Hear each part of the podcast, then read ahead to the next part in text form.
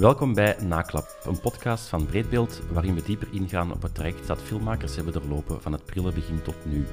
Hoe is de liefde voor film en animatie ontstaan en waar bevinden ze zich vandaag? In deze reeks gaan we in gesprek met Thomas de Knop. Eens dat je zo die eerste stap hebt gezet om, om je werk te, te durven delen, dan is er al veel gebeurd. Uh, dan weet je van oké, nu, nu ben ik in dialoog. Django Jim. Je gaat niet alles even goed kunnen doen. Dus ik vind het veel beter om te specialiseren in iets. En zeker met internet nu kun je echt mega niche gaan. Ila Pitaluga. Making films is very political. The people you work with, the people you put in front of the camera, the people that are behind the camera.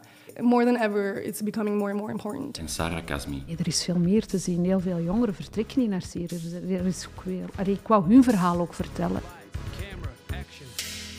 Naklap van Breedbeeld. Je vindt ons op je favoriete podcastplatform.